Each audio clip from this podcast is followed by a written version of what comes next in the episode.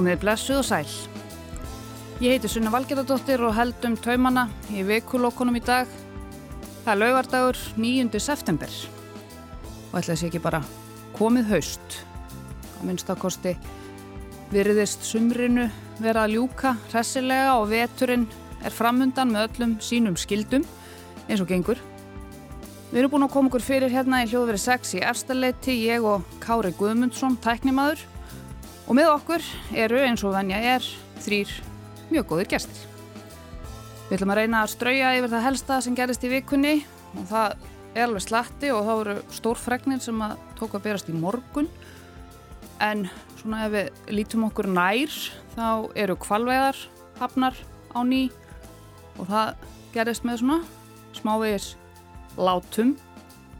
Borgarlínan blessuð borgarlínan eða forsendur fyrir borgarlínunni eru teknar að bogna all hressilega og samgöngu sáttmálinn í einhvers konar uppnámi segja sumir. Ákverðun ásmundar eina staðarssonar ráðherra um að sameina framhaldsskólana tvo á Akureyri, Emma og Vaffema það vakti heldur betur upp heittar tilfinningar sérstaklega hjá mentskælingum, heyrismanni Ójá, og svo eru fastir liðir eins og venjulega framundan eftir nokkra daga þing hefst á ný. En eins og ég kom inn á þá hefur morgunin verið uh, svo litið undirlaður af, af hræðilegum fréttum frá Marokko. Það reið þar stór jarðskjálti yfir í senti í gerkvöldi 6,8 að stærð og uh, tala látina verist vera komin upp í frekar hræðilega tölu 820 talin af en þetta er svo sem bara frétt í framvindu og, og lítið sem að við getum kannski lagt til málanna eins og er allavega. En ég ætla nú að kynna inn gesti mína. Tvö af þessum gestum þau ætla að taka sæti á Östurvelli ekki á Östurvelli inn í húsi á Östurvelli á þriðudaginn Dagbjörn Hákonadóttir, þú ert fráfarandi varaþingmaður og fráfarandi personuvendar fulltrúi Reykjavíkurborgar og verðandi þingmaður samfélkingarinnar fyrir Reykjavík Norður. Já. Jóhann Fridrik Fridriksson, þú ert varst og ert þingmaður framsóknarflokksins fyrir Söðurkjördæmi mm -hmm.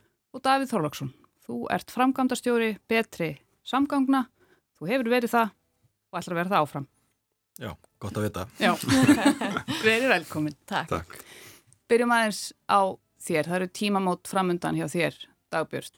Uh, Þú ert að fara að taka sæti Helgu Völu Helgadóttur sem hefur sagt skilið við þingmennskuna og ætlar að snúa sér að lögum mennsku. Mhm. Þannig að þið eru svona að skipta um stóla. Ætlar hún okkur að verða persónavendar fulltrúi Reykjavíkuborgar? Eh. Þú ert búin að vera lögfræðingur? Já, við erum báða lögfræðingar. Já. Ef hún ætlar að sæ, sækja um það, þá er ég með, með glósu fyrir hann. Já, já.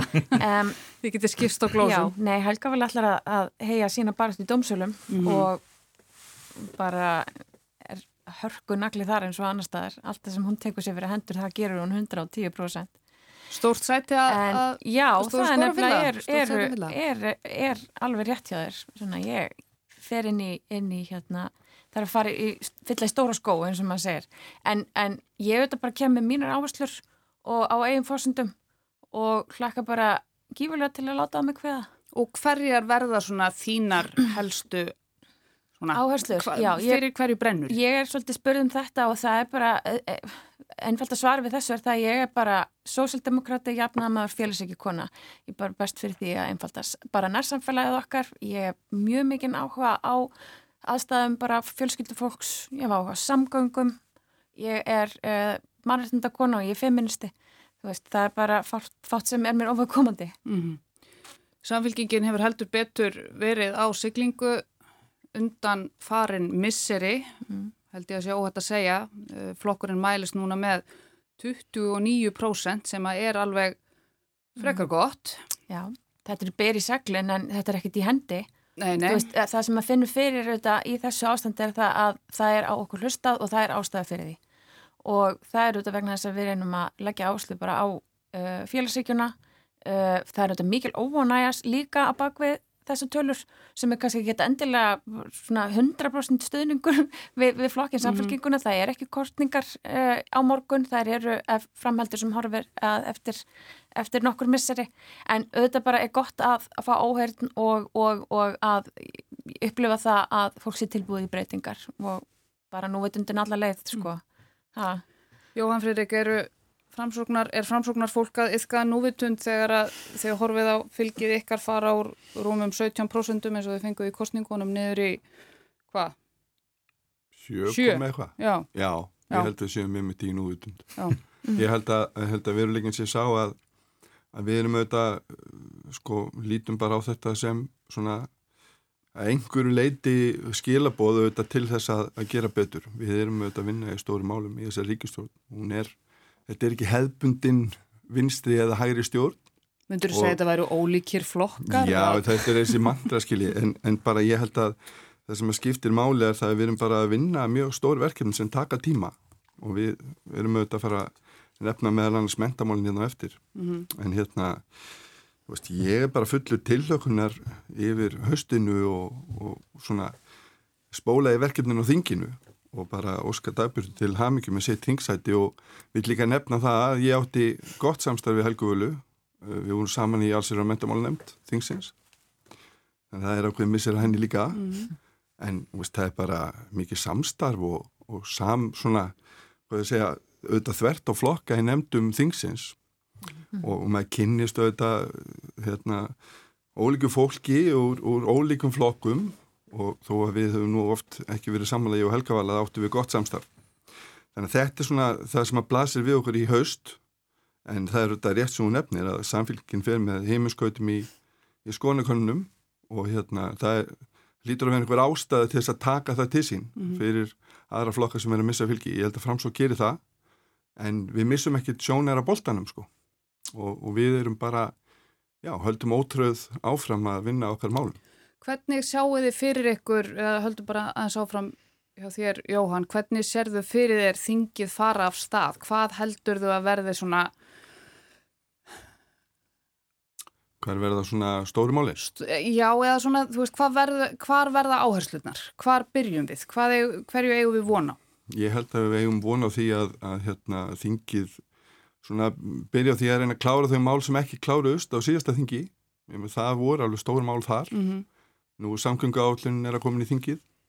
Uh, við erum auðvitað að vinna og sjáum bara fyrir okkur verileg verkefni varðandi efnagasmálinn.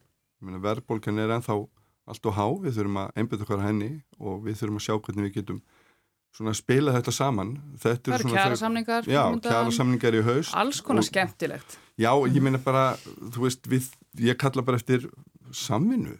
Ég minna, þetta eru allt verkefni sem þarf að klára og við þurfum að einhenda okkur í og þau vinnast ekkit nema bara við séum að vinna að samíhluðu markmiði mm -hmm. sem er að ná árangri. Og það þýðir ekki allir verið alltaf samála en, en samvinnan er til alls fyrst. Mm -hmm. Davíð, við höfum núna farið svona aðeins yfir, yfir sviði hjá þessum tveimur þingmönnum. Og það er þetta tvent, það eru efnahagsmálin og bæði nefndu þau samgöngur. Um Jóhann Freirik segir þetta eru stór mál sem kosta mikla peninga sem þessi ríkistjórnur að kljást við. Þú ert nú aldeilis að, að kljást við eitt stórt mál sem kostar mikla peninga. Mm -hmm. Borgarlínuna. Já, ekki bara borgarlínuna, þetta er -hmm. samgöngusáttmálan í heilsinni. Já, samgöngusáttmálan í heilsinni sem Já. að ég var svona aðeins að rifja þetta upp með sjálfur mér áðan samgöngusáttmálinn var undirriðtaður 2019, það var mm -hmm. haldinn þarna heljarinnar bladamannafundur í ráðhörabústanum búið upp á voða fínar veitingar og þarna stóðu þau öll einhvern veginn saminuð uh, ríki og sveitarfélög fulltrúar uh, þvert á flokka í ríkistjórninni og fulltrúar sveitarfélagana að kynna þennan nýja samgöngusáttmála uh, sem átti að bæta samgöngur á höfuborgarsvæðinu til framtíðar eða inn í nána framtíðarlánu til 2030 eða hvað? Já, 2032. Já. 32, já. já. Og þetta heila klapp átti að kosta 120 miljardar þá. Já, sem er í dag að nú er það 162 miljardar. Mm -hmm. Hvað er að frétta? Uh, já, ég er búin að tala um þetta frá mótnið til kvölds alla vikun og svo drefur mér hérna á lögadagsmótið til að tala um þetta á frídeginu mínum. En jú, jú, Þú ert ekki að tala um þetta morgun. Ok, takk fyrir það. Mm. Nei, nei, það er alltaf gaman að ræða þetta en jú, það er ljóst að annars vegar hefur verðlag hækka mjög mikið. Þetta finna allir landspenn fyrir því bara í veskjánum sínum og það er endar ennfrekar við verklega framkvæmdir, það er, það er meira verðbólka þar heldur en svona verðbólka almennt og svo eh, hefur verið ljóst nokkuð, núna í nokkuð tíma að upphælegar áallanir segjugusáttmálans voru verulega vana áallar og Hverjum er um að hvert, á, hvert getur við bent þar? Já, við, þetta er gert 2019 eh, við erum stopnuð betri samgöngur og hef 2020, tökum til starfa 2021 en upphælegar áallanir eru, eru sko ég held að sé engum um að kenna, það þurfi ekki að kenna nefnum um það, en það er þetta því miður ekkit einstæmi. Við sjáum, uh, Jóhann nefndi aðan samgöngu áallun sem að hljóður upp á hátt í 900 miljardar, ef maður rétt, sem var kent í, í samræðskott stjórnvalda í voru verið lögð fram í þingi núna í haust. Það er alltaf hækkaðar, ekki bara á höfburgarsvæðinu og þetta áviðum allar uh, opiðberar frangandir og innviðafrangandir og reyndar ekki bara á Íslandi heldur, við, við vorum opinn fund í þar síðustu viku um hérna, samgöngur og sjálfbart skipulag e, þar sem maður var meðal annars fyrirrandi e, hérna, skipulagstjóri Vankóður að tala og hann nefnir þetta kostnað, vaksandi kostnað við innviði sem eina af fimm megin krísum sem borgir standa fram með fyrir ásand loftslagsvandanum mm. og fleiri slíkum stórmálum. Og þetta lítur nú að spila saman, aldeilis. Já, þetta spilar allt saman og, en hvað, hvað til ráða Ég veit allan ekki um neitt, það eru þetta stjórnmálamanna ákveða en ég hef ekki hitt neitt þeirra sem að segir þá við verðum bara hætta fjárfyrst í nöysilegum og arbæri minnviðum. Ég held að það sé engin á þeim stað. Það sem er til ráða svona almennt og það er það sem við höfum lagt áherslu á í betur sangungum frá upphafi að uh, nota alþjóðlega viðkendar og samramdar aðferðir við að gera áallanir og fylgja þeim eftir. Uh, við þetta fáum í vöggugjöf uh, tilbúinur áallanir og, og vegagerðin hefur útskýrt núna á 50 daginn á VF-sínum ákveður þetta byggir. Þetta byggir aðaláð því að flestar þessar framkvæmdir voru algjöru hugmyndastíði. Það var búið að vera stopp í framkvæmdum. Uh, Borgarlínu var þetta bara alveg ný. Stoppbjónum uh, var búið að vera framkvæmdastopp í, í hérna Reykjavík í nokkuð mörg ára, hátt í áratuga ef maður rétt. Þannig að allar þessar framkantir voru á hugmyndastíði og því framarsvart í ferlinu því meir er óvissan um kostnaðin og því líklega er að, er að hann hækki. Mm -hmm. því að fyrst er það hugmyndasteg og útvæslu skilgreining, svo eru þrjú hannunasteg frumdrög, forhannun, verkhannun og eh, þegar eftir því sem að líður því nær komast við hérna svona betri tölum. En, en samgöngusáttmálinn, jú, er ekki bara borgarlínan eins og fólk, eins og vilt svolítið gleymast, það er hann gengur aðalúta á fjárfæsti í stoppugum fyrir bíla, svo kemur borgarlinnan og svo er það hjóla og göngustígar og, og umferðarljós og, og minni, ymsar minni framkvæmdir. Þannig að e, samt sáttmálinn gengur út á að greiða götu allra ferðamáta. Og mér heyrist nú að sé sáttum um það áfram. Það er hérna aðeins bara grípa mm -hmm. þetta vegna þess að ég var aðeins að skoða þennan, þennan sáttmála sem að er nú einhvern veginn finnst manni komin til ára sína uh, þó að þetta sé ekki drosalega gamalt samkómulag uh, sveitarfélagin skuldbinda sig til þess að láta x miljardar á hverju ári fram til ársins 2033 eða eitthvað sluðis mm -hmm, inn í, inn í þennan samgöngur til þess að bæta samgöngurnar og auðvitað rétt sem hún segir, þetta snýst ekki bara um borgarlínuna.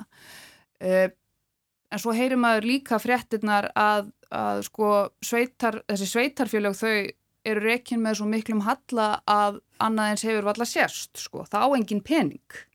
Já og þetta er líka áskoranir í, í ríkisfjárálum ég held að það sé hægt að að halda áfram með þetta og leysa þetta án þess að þau eru að koma til hærri framlög frá ríkinu eða sveitafélagunum. Það er bundin í sáttmálan hvað þau eru að há en hluti af fjármögnunni er til dæmis kjaldnalandið, ríki leggur það til eh, sem part af fjármögnunni sem er gert bara frábær hugmynd meðal annars vegna þess að borgarlínum mun liggja þar í gegn og sem að eigur verðmætti landsins mjög mikið. Þannig að það verður að nýta það, þau verðmætti sem eru leist úr læðingi með sáttmálunum að hluta til þess að fjármagnan og þetta hefur verið gert að hluta til með neðara lestina í, í Danmarku og líka, líka í Breitlandi, í London.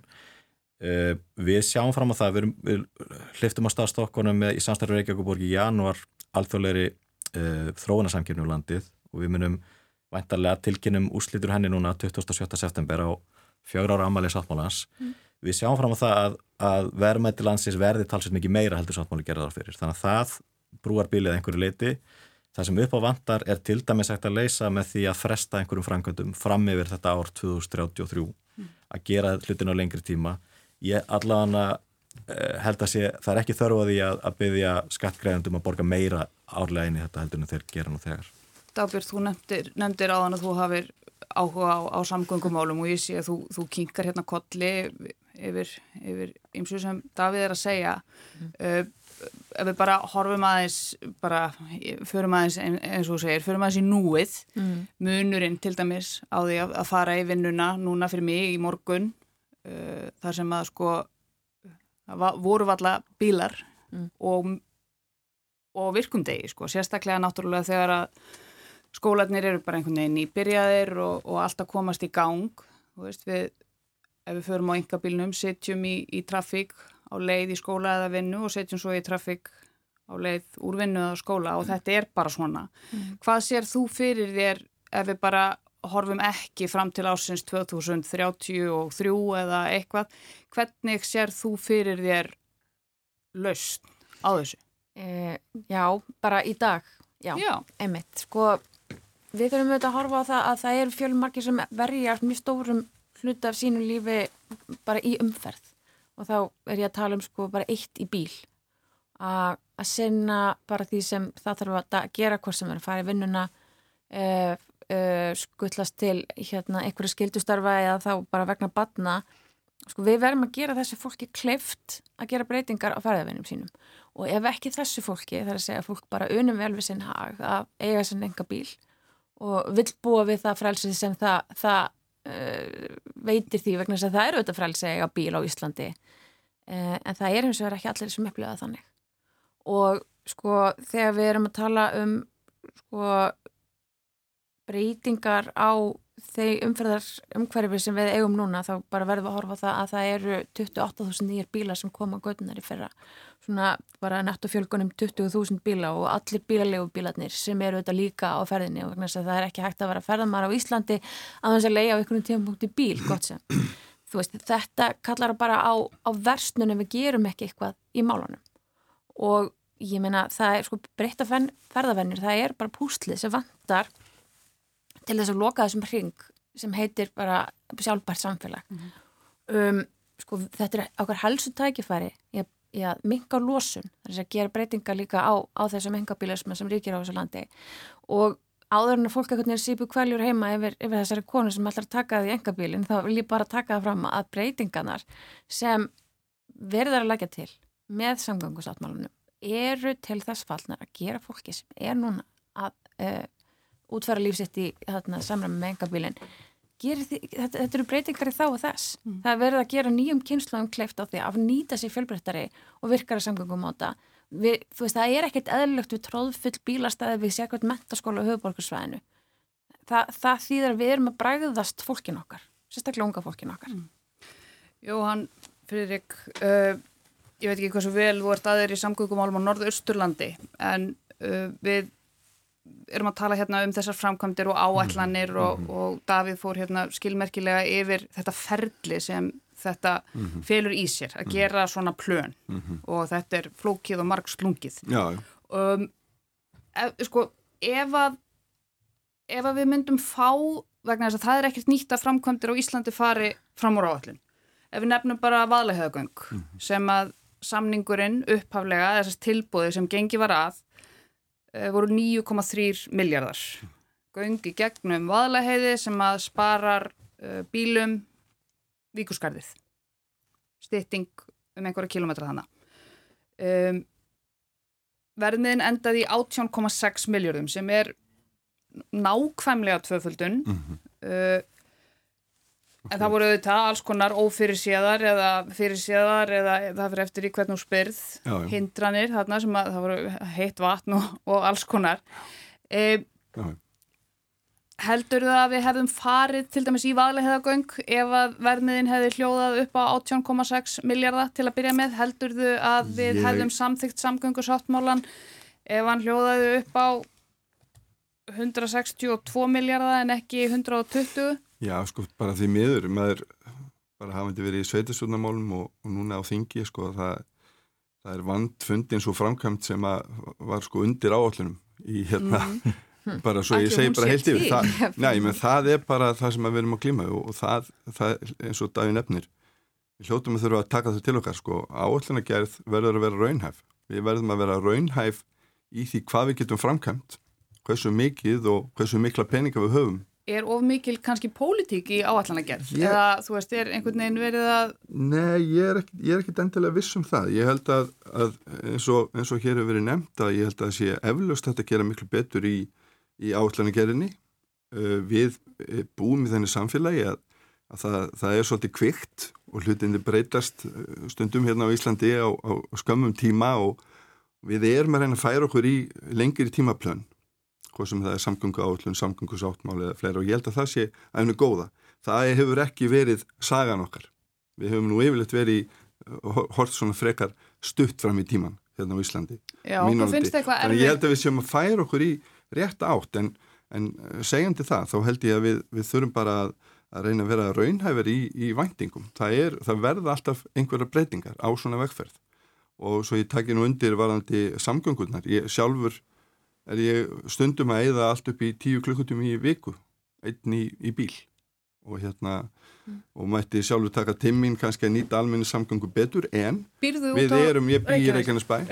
Og keiri til þings fram og tilbaka og hef sjálfur velt fyrir mér hvort að ég ætti að vera með kannski varanlegri hérna, aðstöði í Reykjavík. Hvað tekur það langan tíma svona alla jafna fyrir að það er, fram og það tilbaka? er alveg ótrúlega mikill munur á því hvort að ég er að fara kannski á stað hálf sjö eða sjö Já. úr Reykjanesbæ það, það getur alveg skipt sköpum uh, venjulega eyði ég ótrúlega miklum tíma í Garðabæ og, og Kóbói í bíl þó svo að ég sé ekki að stoppa þær í kaffi eða hitt eitthvað, mm. því góða fólki sem ég þekki þar vegna þess að ég er í röð Já. og hérna Hvað gerir þú? Er það að hlusta útvarpið? er? Já, ég er að hlusta auðvitað er ég að hlusta á, á, hérna, á útvarpið, ég er að hlusta á, á hlaðvörp Mhm. uh, ég er að hugsa um hvað ég sé að fara að gera yfir daginn og, og, hérna, og þegar ég er á leiðinni heim hvað ég sé að fara að gera með fjölskyldunni Ertu ekki að powerblasta skemmtilega lög? Ertu ekki svona að syngja? það fer eftir hvað er framundan Já. Auð, auðvitað þarf maður stundum að peppa sig upp í því starfi sem að, hérna, við erum í og Það er þá er rosa gott að taka svona eitt eitt æg of það tækja svona rétt árum með Það- rennir það er inn á ekkert sem kemur í stað fyrir bílastæði það því það er stóri kostur með það að vera einn í bíl, bíl og, og fyrir þau sem sjá mig undir á rauðu ljósa eitthvað staðar að, að syngja þá er ég bara Þú getur líka verið með Skemmtum. í strátunum sko, engi á geta ekki sungið fyrir fólk Nei, það þetta er eru áskoðunum sem við klímum við en bara svona allir gamla slefti Jóhann, ég meina þú slítur að sjá að núverandi ástandi í því hvernig maður kemur sér til og frá höfuborgarsvæðinu eða þú veist frá Reykjanesinu Mhm. inn í Reykjavík. Þetta er, við getum ekki búið við þetta og það er auðvitað ekki hluta þessu en, en bara fyrst þú nefnir það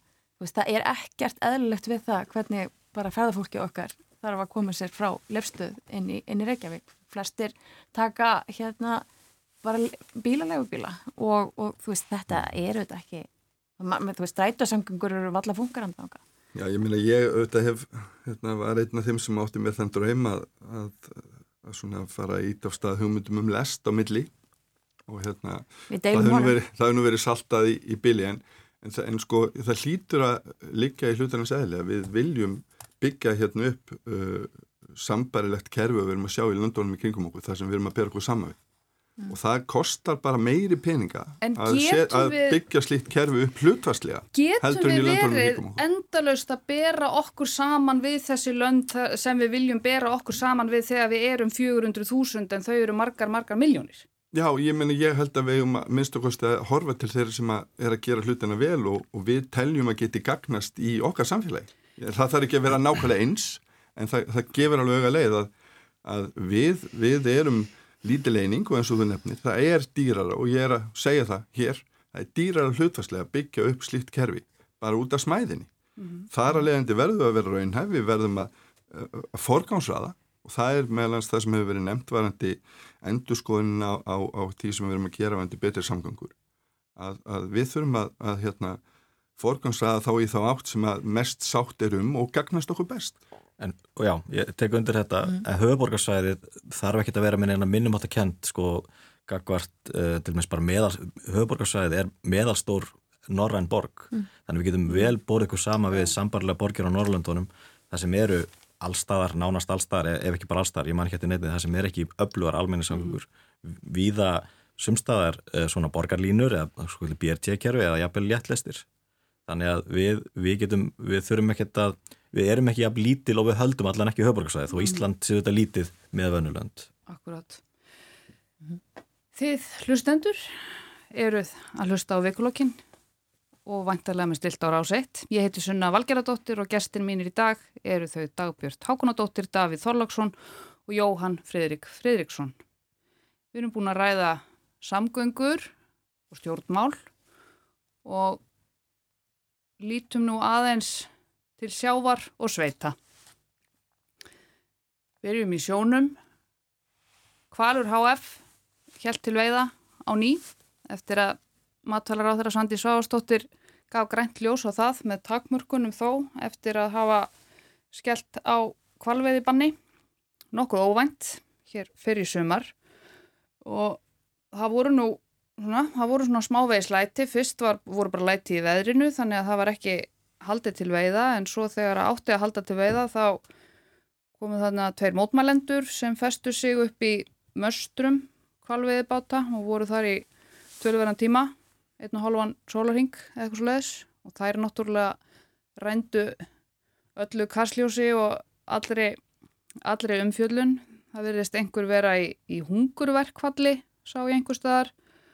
Um, en mótmælendurnir, þeir, eða þær konunnar fóru niður úr, úr möstrónum að lokum og, og hvalur helt til veiða. Uh, það búið að veiða einhverjar langreiðar og lífið gengur sinn vana gang Leonardo DiCaprio ætlar ekki að koma til Íslands uh, Skellur Davíð, hvað hvað finnst þér um kvalveðar? Ég hef bara hérna, alltaf verið stuðningsmaður uh, sjálfbara nýtingar á, á þeim náttúruælundu sem við búið það er bara það sem hefur haldið okkur lífið bara frá því að fyrstu mennir komið þetta til Íslands. Uh, ég verð að viðkenna ég staldraðans við Eh, og hef, hef þess vegna alltaf verið hlindur kvalveð menn ég staldra eins við hérna, fyrir árunni þegar skýrsla matvala stofnunar kom út. Að ég, það er ekki það, mér fannst eins og væri ekki gætt eins vel að dýravelferð við þessa veðar eins og ég held eins og ég, mér hafi verið að ég tel talið trúum þannig að uh, ég, þetta er auðvitað alltaf ákveði jafnvægi sem er í öllu svona og ég viðkenni það og ég, ég stunda sjálfur hérna, skotveði að farið á reyndir og, og vitt hérna, og aðalega reynd að veiða rjúpur en er þú mm. náða að veiða nokkrar. Þannig að ég uh, gerum alveg grein fyrir að það getur fallist hræstni í því. En ég heldur verðum með þessa skýslu að, gera betur í þessu, þessu máli. eh, hvað snertir þessa veiðar. Og mér sínist reyndar að, að hérna, matvarar á þeirra hafi núna verið að þrengja skilirinn hann og gera og passað upp á að þetta sé gert betur. Og hvaður HF hefur sagt að, að þeir geti gert það. Þannig ég vona, vona það að það, það dugir til. Vona bara það að mm. þetta það dugir til, en ég held að þessi mótmæli allan fyrir mig sem er kannski svona á, á gerðingunni voru ekkert að hjálpa mér. Ég er ekki hrifan að svona þetta eru auðvitað ólöglega mótmæli, þetta eru auðvitað friðsamlega mótmæli þetta er ekki óbeldisvöld fólk en þetta eru auðvitað ólöglega aðgerðir. Þau fara þarna í ólefi um borðið skip sem er bara refsiverðstakar hegningalögum mm. mm. þannig ég, þetta auðvitað hjálpar að vekja aðtegla á þessu, ég held að þetta hjálpi ekki hérna heima til að auka stu, fjölga stunningsmönnum við kvalveðbanni en þetta öruglega hjálpar á erlendu grundu. Og sama með Leonardo DiCaprio það var gaman að hitta hann en ég held að, eh, ég held að hann sé ekkit að fjölga stunningsmönnum kvalveðbans á Íslandi þó að hann sé mögulega hjálpa út í heimi en ég er ekki vissum Íslandikar séu mjög ginnkeftir fyrir svona þrýstikki utan á heimi, ég held að geti jafnvel gerst okkur aðeins fórhæstari. Erum við ekki líka bara búin að mynda okkur, sko, erum við ekki bara svolítið þannig Íslandingar að það er bara, við erum bara búin að mynda okkur einhver ákveðna skoðan undir niðri og það er fátt ef eitthvað Já, sem ég, fær þeirri skoðun hakkað. Ég, ég, held, ég vil bara segja, ég dáist bara að mótmjölandunum. Ég hef kannski meira gaman að borgarleira ólinni en Davíð en það er nefnilega, maður læri það í fílunni hérna í lögfræðinni að eitt að skilur um þess að, að, að, að vera með borgarlega ólinni er með þetta að brjóta lög og gera það bara fyrir rafnum tjöldum og þannig að það er svo sem hérna eh, er ekki aðarpunkturinn í þessu öllu því að við auðvitað í samfélkingunum við erum auðvitað að sjálfsögðu eh, hlind sjálfbærum veiðum en teljum samt að hvalveðar verða til á fortíðinni og ég er þeirra skoðuna líka því að, að tilfinningarökin í þessu þau eru bara góð og gild. Það er erfitt að, að veiða stórkveli eða kveli á mannulegan hátt. Það þjónar ekki ríkum tilgangi í heildar sammingir hlutana og það er bara gífurlega erfitt að hafa eftirlit með þessum veiðum og ég held að, að, að við verðum öll að, burt sér frá skoðunum eldandra aðila að þá er þetta samt sem aður orðspórs áhætta fyrir íslenska þjóð. Og, og það er svona eins og segi fjölmjörg sjónami sem koma að neinn mm -hmm. Þetta er ansi flókið vegna þess að það er, það eru alls konar veiðar sem að erfitt er að stunda eða skulum segja kannski ekki auðvelt fyrir fólk eins og kannski mjög Davíð að stunda til dæmis eins og rjúpnaveiði á mannúðlegan hátt. Eða maður er ekki alveg kannski nógu góð skitta sko. Mhm. Góð punktur sko. Hvað segir þú, Jóhann Freyrík? Ég hef svo sem sagt að og, og hérna ég held að sé að mörguleiti er rétt hjá þér. Ég held að sé margir íslendingar. Þetta er svona pínu hjartansmál fyrir okkur íslendingum sko. Uh, ég heiti þá sem að hafa svo sem ekki veld mikið fyrir sér svona að skoða hlutin eitthvað grunditt bara alltaf verið fylgjandi kvalveðum og ég er bara fylgjandi kvalveðum mm -hmm. og, og hérna ég held að það sé samt sem áður svona afstæða sem að er einhver leitt og undanhaldi, ég held að sé alveg vilji til þess að skoða þetta hagsmannamatt ég held að það sé bæði og alltingi og út í samfélaginu. Mér finnst vera svona smá breyting í þá átt.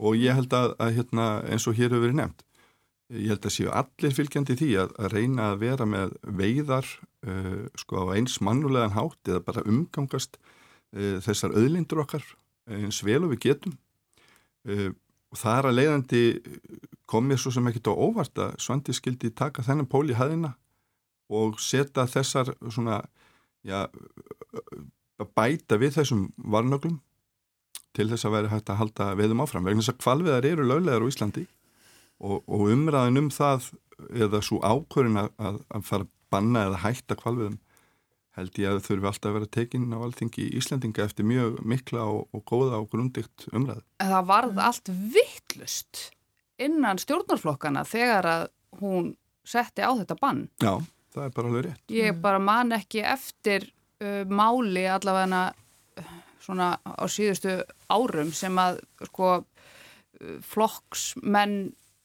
Rík, ríkistjórnarflokkana hafa látið jafn stór orð falla sko. Akkurat, það, það er bara alveg rétt og, og ég meina það, það snýrist meðal annars uh, um það hvernig ákveðinu var tekin. Uh, hún var kölluð fyrir nefnd og beðin að útskýra það og ég held að það er svona ímislegt í millitíðinu svona bæði fengist svör við ímsu sem að, sem að hérna, stjórnarlegar og aðrir hafðu spurningar um. Uh, síðan er, er það auðvitað bara ráþurans að meta þetta sem að hún gerði. Þannig að, að ég hérna, ég tek til eðlilegt að hvað sem það eru stjórnarþingmenn eða aðri þingmenn að menn seti spurningamerki við slíkar ákvarðanir Eh, ekki, ekki með það markmiði einhvern veginn að, að koma ráð þeirra einhvern boppa heldur bara að fá svör við þeim hugleggingum sem er úti. Og hún útskýri það ágætlega fyrir þingnemdini og síðan leggur hún fram þess að varnagla og heimilar áframhaldi e, veiðar e, þar að segja vertiðingat farið af stað. Og mér finnst það ekkert óvinnilegt ferli per se ef maður skoðar það. Eh, það er ekkit óvinnilegt eh, bæði að aðhald þingsins sé til staðar og ráð þeirra standi fyrir því sem hann er að gera. En þetta er nú búin að Svandís er ekkit fyrstir ráð þeirra í þessari ríkistjórn sem svona gengur fram með sitt mál. Uh, Jón Gunnarsson gerði það nú alveg nokkur sunnum og það var jú allt brjálað svona þannig innan geðsalappa. Uh, er þetta eitthvað sem við munum sjá uh, áfram í störfum ríkisjótarinnar að, ráðherrarnir eru svona sitt eða sólkerfi bara og, og taka sínar ákvarðanir án samráðs við yeah. ekki kongni, kongni prest en, en svona er alltaf vann með sko, ég held að Þetta er kannski eina segja... leiðin til þess að ná einhverju gegn? Já, ég er ekki alveg sammálað því. Ég held að, að samvinnan sé nú alltaf leiðin til þess að ná hlutunum í gegn. Og ég held að allir ráþærar ættu að, að yfka þá leikumi en ég held að það sé samt sem áður þannig að, að sko við erum bara með þannig kerfi. Að við erum með þing sem á haf, hafa meðal annars aðhald á framkvæmdavaldinu og þar að leiðandi hvort sem það eru stjórnaþingmenni aðrir kemur það alltaf til og síðan er það hitt að e, við höfum reynd að minnstu kosti í þessari ríkistjórn sem ég er að styðja hafa mikið samráð, mikið samtal og ég held að mig ég efla það einn frekar til þess að, að það sé auðveldara og betra að koma starri og veiga meiri málum í gegn. Mm. Það tekst ekkit alltaf en ég, ég kalla eftir því og ég er samfarið um það að, margir geta tekið það til sín. Ég gerir það minnstu kosti þessi stjórnandingmaður. Ég átti mjög uh, gott samstarf meðal annars við Jón Gunnarsson þegar hann var dómsmálar á þeirra. Mikið af, af þeim stóru málum sem voru uh, sett fram á honum komið inn í mína nefnd í allsverðan mentamálunemnd og uh, veist, svo erum við í stjórnmálum og við tökumst á og við þurfum að, að okkur þarf að líða vel með uh, hlutina og það bara útteimti vinnu áraðinni en, en það þýðir ekki að við maður leggja árið í bát ef að næst ekki saman um allt heldur við höldum áfram og, og leitum leiða Dabur, hvernig finnst þér stjórnarandstaðan verið búin að standa sig það sem af er þessu kjörtímabili?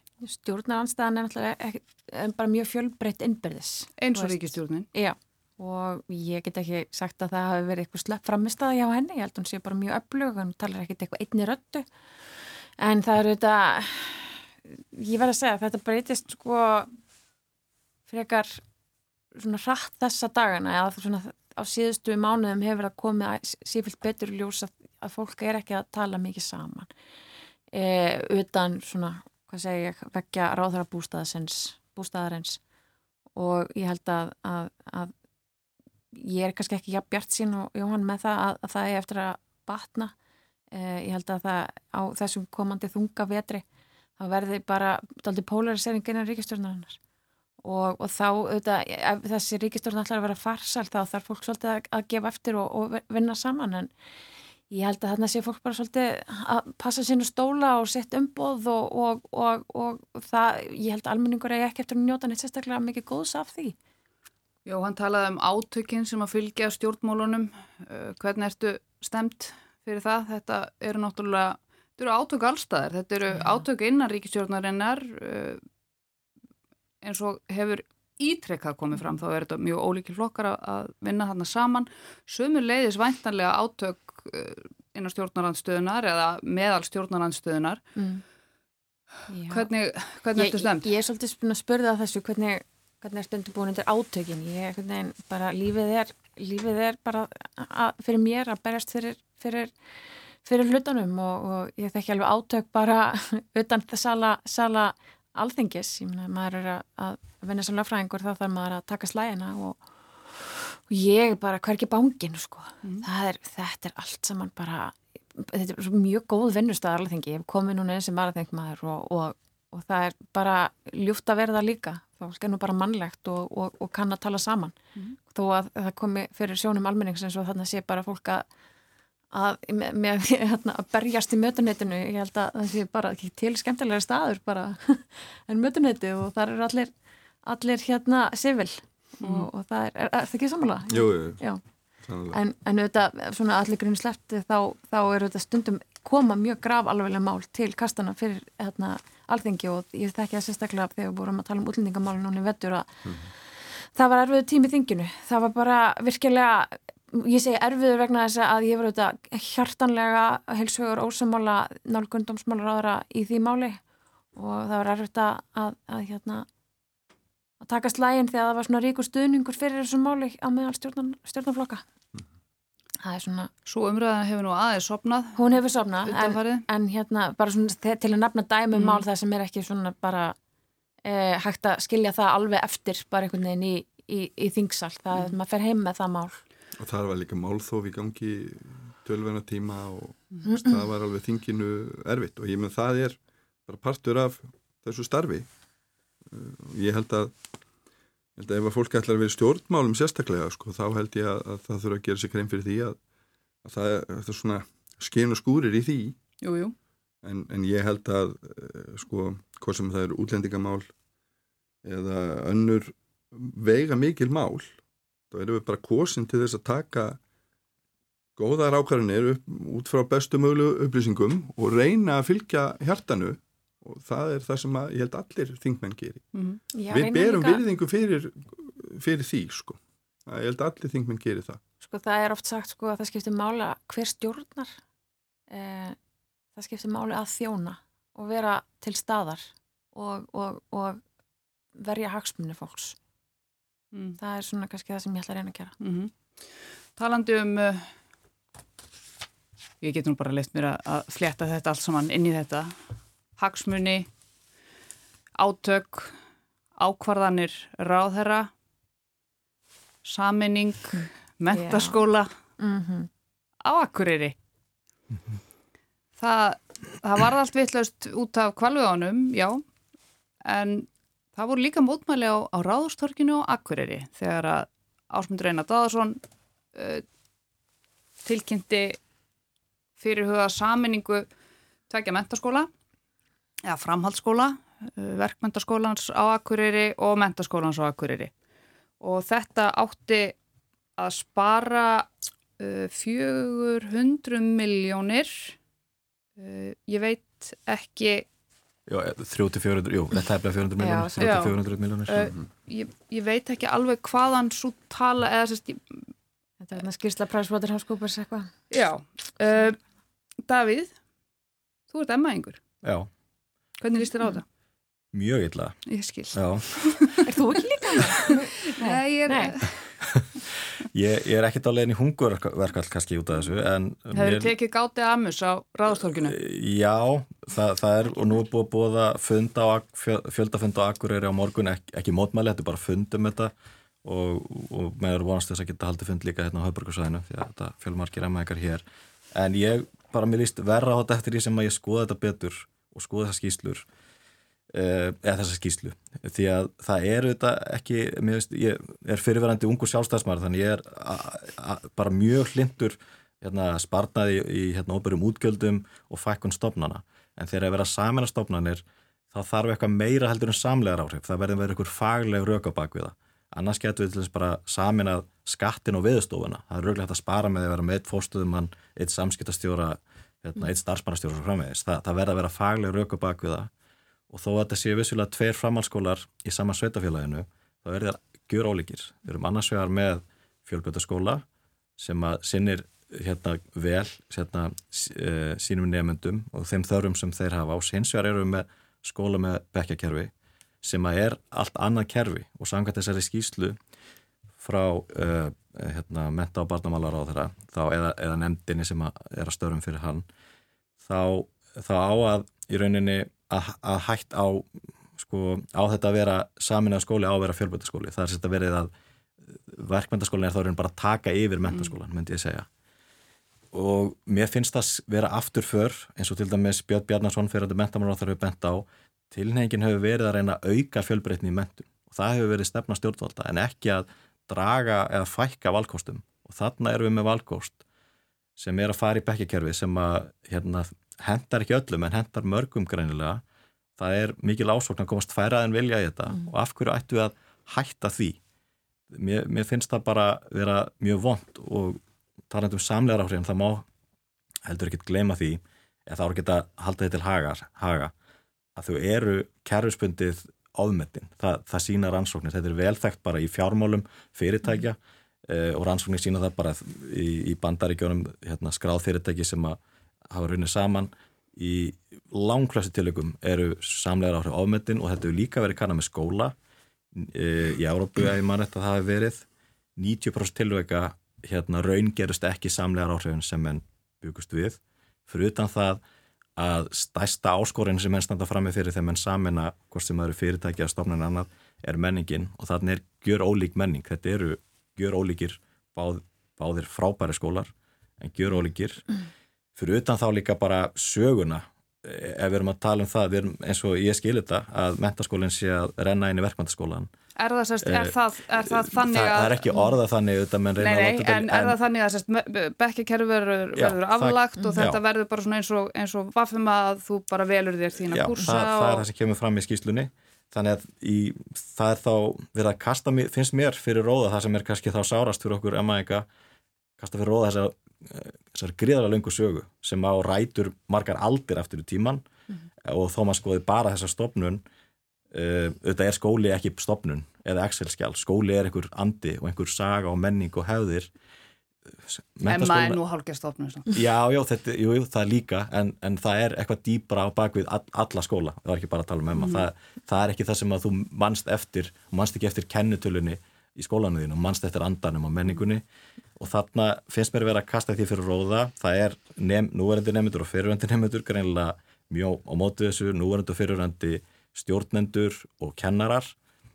Ég myndi bara kalla þetta fjandsamlega yfirtöku verkefndaskólan svo akkur er á mentaskólanum og, og já, vera að kasta fyrir róða eins og ég segi sögunni, þetta mentaskólan akkur er eldri stopnun heldur en skatturinn og veðstofan til dæmis.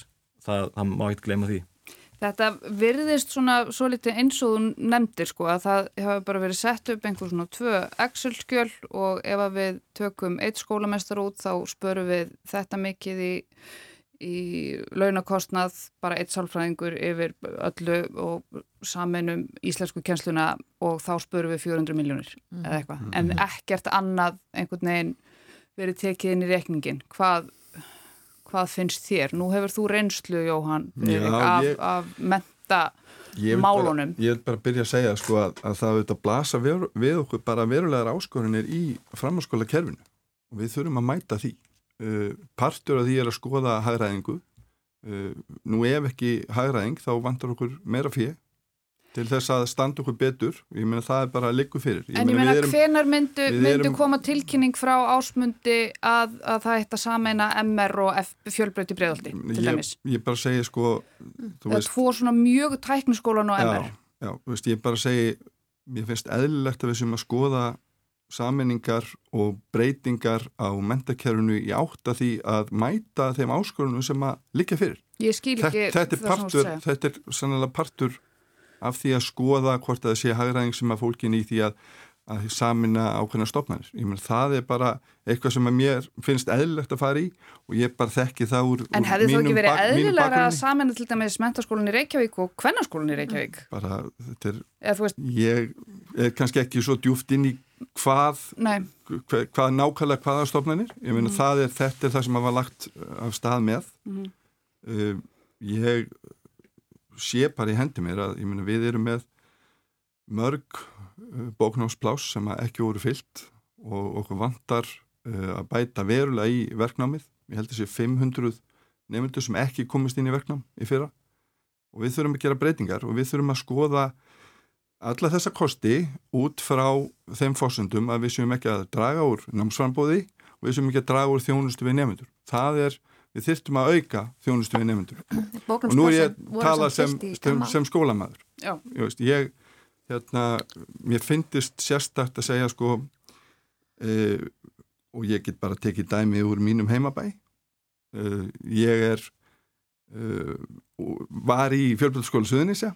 Ég var þar formaði nefndafélagsins ég hef setið þær í skólanemnd og síðan var ég framkvæmtastjóri Keilis mhm, og það kom upp hugmyndur um að samina þessa tvo skóla og mér finnst eðlilegt að skoða kosti og kalla þess var það gert? og það er, ég, mér skilst að það sé í gangi mm. nú vinn ég ekki hjá þessum stofnurum en, en þetta er bara mín skoðun ég held að það sé ábyrgt að gera það e, svo ákvörðin á endanum verður að vera tekin eins og hér hefur verið nefnt á faglegum fórsöndum að við munum fá meira út úr saminum stofnunum sem sterkar eining heldur en í sikur lei. Það hlýtur að þurfa að vera það sem að, og ég held að það sé, það sem að ráð þeirra er að reyna að fá út úr þessum skoðunum. Ég held að við séum það sko. Sko, þú talar um að skoða, Jóhann, það er ekkert verið að skoða. Þetta var, það var kalla á sal. Fund, skóla var bara, hérna, skóla var feldur niður og allum skipa að koma sal og það var tilkynnt um að það er því ráðast í þessa breytingar. Mm Ég menn það kom bara frétta til. Og ég meina það, er, það þýðir þá að samráður ekkert við, við, við hvorki kennaran í nefnendur eða, eða þá hagsmun aðalega sem eru svo sannlega til staðar sko 400 miljónar spartnaður ég tek undir það með Davíð það er bara mjög hóflega eða, svona ríflega áhalla fyrir ekki ég held að, að, að þessi spartnaður verði mun hóflegri Þarna erum við farin í, í öfuga áallanagerð. Ég, ég er bara, ég, ef þetta er mm. byggðastefna framsvonarflokksins þá bara veit ég ekki alveg hvernig, hvernig við höfum eftir að sjá hann að raungjarast öðrum sviðum.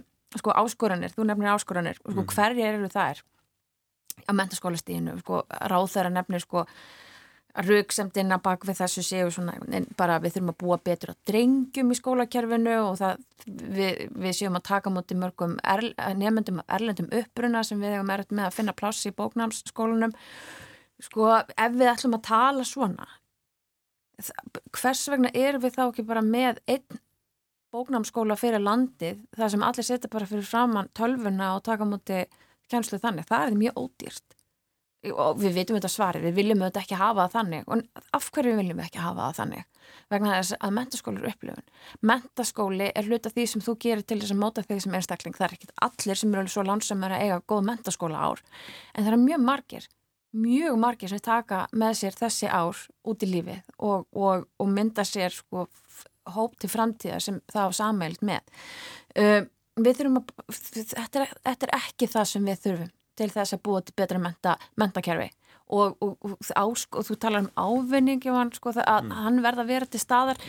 Ég menna þá hefur við þá ekki rétt að því að sjá hann fyrirfram Jú, jú hann, ég er alls ekki að segja hann Já, en það er allavega ekki til staðar og hérna mikilvægt að í þessari umræða tala ekki niður um verkmyndastíði vegna þess að, að viðnámstíði sko, við þurfum að, hérna, að gæta þess að það komist allir inn í einnám sem vilja sækja það. En það er bara allt önnur umræða. Ég, ég trúi bara ekki öðru en að ráð þeirra baki með það Ég held líka sko að það megi ekki vann með það uh, bara leiði mér að segja sko tilfinningarökin mm. í nákvæmlega sko þessu tiltekna máli þetta, er, þetta eru tveir mjög góðir, mjög öflugir mentaskólar á Akureyri þar sem að uh, fólk sko allstaðar að á landinu sækir hvort sem það er Vaffima eða Emma og, og það er það er mjög svona eh, bratt að hefja sammenningar framhaldsskóla á þessum tveimur framhaldsskólum. Ég þetta er bara alveg galið. Það er bara galið. Ég er alls ekki að gera lítið úr þeim tilfinningum bara svo að þessi sagt. Vegna þess að tilfinningarökin þau, sko, þau geta nefnilega gert sko. alls konar sko. Já, geta, ég, þau er ekki á hófum. Þess vegna tók ég dæmi ymitt af sjálfum mér sko mm -hmm. þar að segja að það eru alveg tilfinningar í, í spilinu líka og, og, og alveg mikilvægt að taka tillit til þeirra sko, það, sem að, það, sem að, það sem að við samt sem áður megum ekki forðast að við þurfum að velta fyrir okkur hvernig við viljum uh, að mentakerfið okkar aðlægi sig að þeim áskonunum sem að framöndan eru.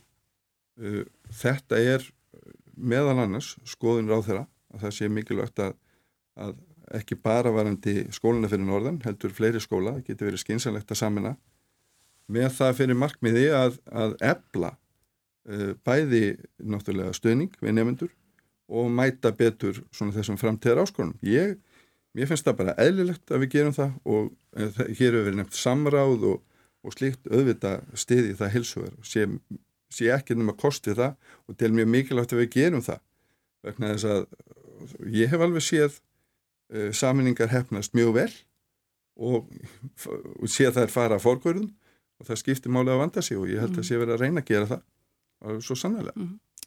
Já, bara börn eru ekki Excel-skjöl.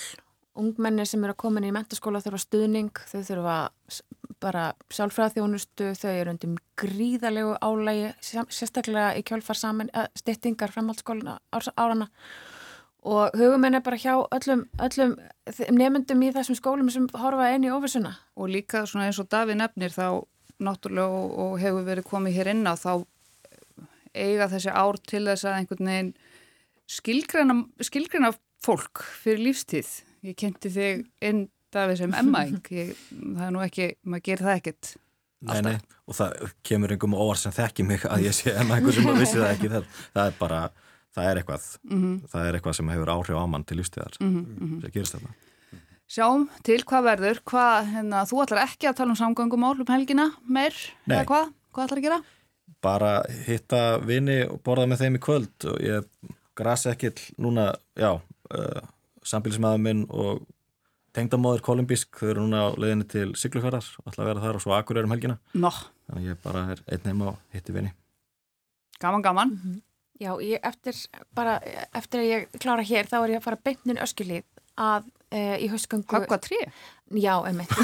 Nei, ég ætla, ég ætla að knúsa þau. Ég ætla að vera svona tríhjörður borgarlega við óhlýðinu Nei, samlingafélagi Reykjavík er að halda haustgöngu og hérna, e, við erum að skoða meðal annars bara það svæði sem er, stendur ógn af e, fyrir huguðu framkvæmdum á þessu svæði Já, ok, þannig ég var og ekki langt. Nei, þú varst bara alveg nálægt. Þetta er bara eitt uppáhaldsvæði mitt bara í heimi til þess að fara með krakkana mín og hlaupa og, og svo bara það er kósi kvöld í kvöld og, og, og borða hjá tengdafóldri mínum áskjörum annan kvöld. Mm Jóhann, Herðu, ég bara, ég er að fara í ammali setnipartin hjá mái mínum. Það er bara og hérna, fjör framöndan hjá öllum. já, og síðan í kvöld þá er ég að fara á ammalistónleika Magnúsar Kjartanssonar Já, í er- já. Næs. og hérna hlakka mikið til en það frábært tónlistamæður og það verður eflaust eftirminnilegt. Fjör. Algjörlega Við erum komin á enda stöð í vikulókunum, náum ekki að vera lengur í loftun í dag en þátturum verður á sínum stað eftir næstum því nákvæmlega sjö daga. Ég heiti Sunna Valgeradóttir og stjórnaði þætti dagsins á samt Kára Guðmundsinni, tæknimanni og með okkur í dag voru þau Dagbjörn Hákonadóttir, Þingmaður verðandi samfélkingarinnar, Jóhann Friðrik Friðriksson, Þingmaður Framsóknarflokksins og Davíð Þorláksson, framkvæmdastjóri betri samgangna og emmaðingur. Takk fyrir komuna og þakka ykkur hlustendur fyrir að hlýða á, verið sæl.